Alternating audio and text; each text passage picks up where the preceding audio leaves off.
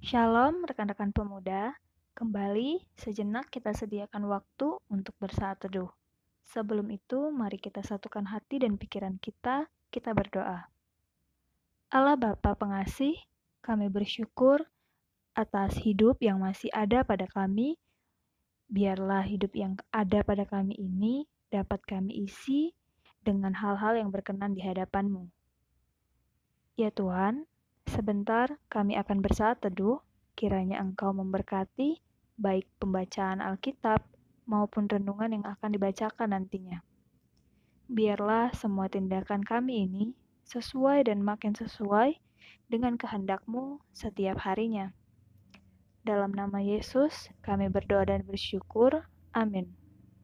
Rekan-rekan, pembacaan Alkitab kita pada hari ini terambil dari Amos pasalnya yang kelima, ayatnya yang ke-21 hingga ke-24, yang berbunyi demikian.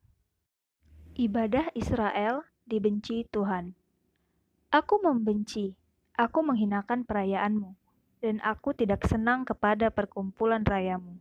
Sungguh, apabila kamu mempersembahkan kepadaku korban-korban bakaran dan korban-korban sajianmu, aku tidak suka dan korban keselamatanmu berupa ternak yang tambun, aku tidak mau pandang.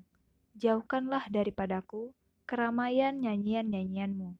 Lagu gambusmu tidak mau aku dengar. Tetapi biarlah keadilan bergulung-gulung seperti air dan kebenaran seperti sungai yang selalu mengalir.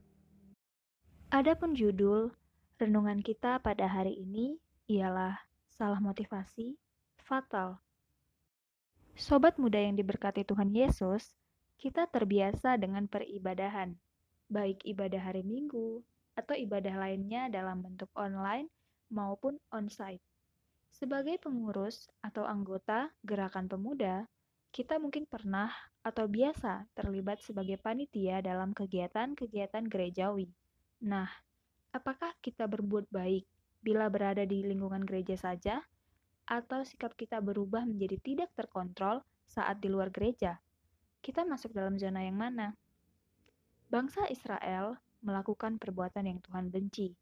Secara lahiriah, mereka rajin beribadah, tetapi secara rohani, mereka sangat jauh dari Tuhan. Peribadahan hanya sekedar rutinitas. Datang ke hadirat Tuhan dilakukan tanpa kesungguhan. Selain itu, umat Israel juga bertindak tidak adil, menindas sesamanya, menyembah berhala, dan tindakan keji lainnya. Jika motivasi peribadahan bangsa Israel sangat keliru, bagaimana mereka bisa memaknainya? Karena itulah, Tuhan tidak berkenan pada ibadah bangsa Israel. Sobat muda, apakah kita memiliki motivasi yang benar dalam melakukan peribadahan dan pelayanan? Apakah kita mempunyai hati yang benar-benar mencari Tuhan? Bersyukur atas segala pemberiannya? Ataukah kita hanya sekedar hadir untuk mencari berkatnya? Apakah ibadah dan pelayanan yang kita lakukan sampai saat ini hanya sekedar rutinitas? Kita diingatkan untuk menelisik diri, sebab cara hidup yang tidak berkenan di hadapan Tuhan akan menjadikan pelayanan kita sia-sia.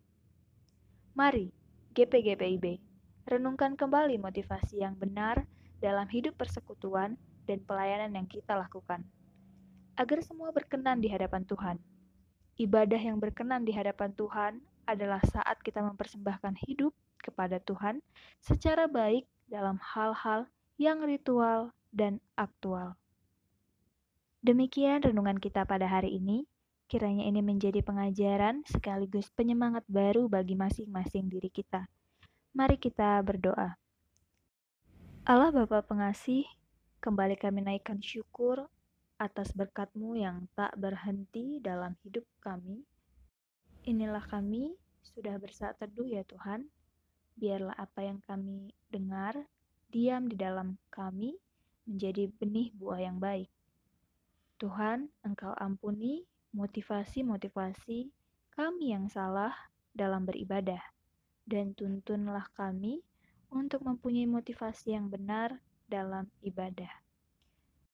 Begitu juga dengan sepanjang hari yang akan kami jalani, biarlah kami menjalaninya dengan jauh dari apa yang jahat dan tetap dalam lindunganmu. Inilah doa dan harapan kami. Kami bersyukur. Amin. Selamat beraktivitas rekan-rekan.